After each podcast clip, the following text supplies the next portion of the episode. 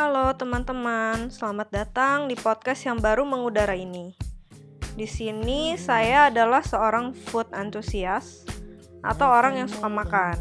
Ya, basically saya itu doyan makan. Tapi saya itu juga kepo.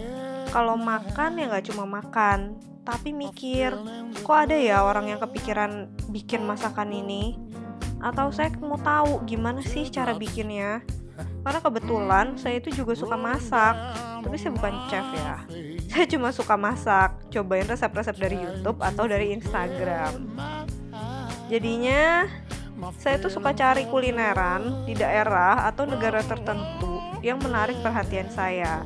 Dari makanan itu juga sebenarnya kita bisa lihat sih budaya dan tradisi dari suatu tempat. Menarik ya? Dan sebenarnya saya bikin podcast ini juga untuk sharing ke teman-teman tentang kekepoan saya ini. Siapa tahu teman-teman juga pada kepo kan sama makanan.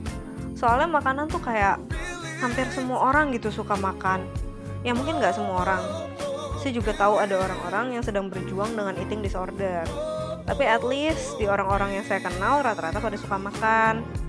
Nah, biar kita bisa lebih menghargai makanan atau menghargai orang yang masak, ada baiknya kita nggak cuma sekedar makan, tapi juga tahu bahwa ada proses loh di balik munculnya makanan ini.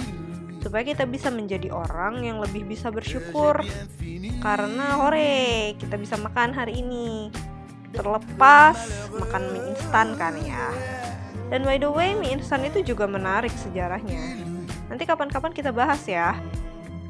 By the way, thank you sudah mendengarkan podcast ini dan salam kenal ya. Semoga kita bisa semakin dekat dan kapan-kapan bisa makan bareng.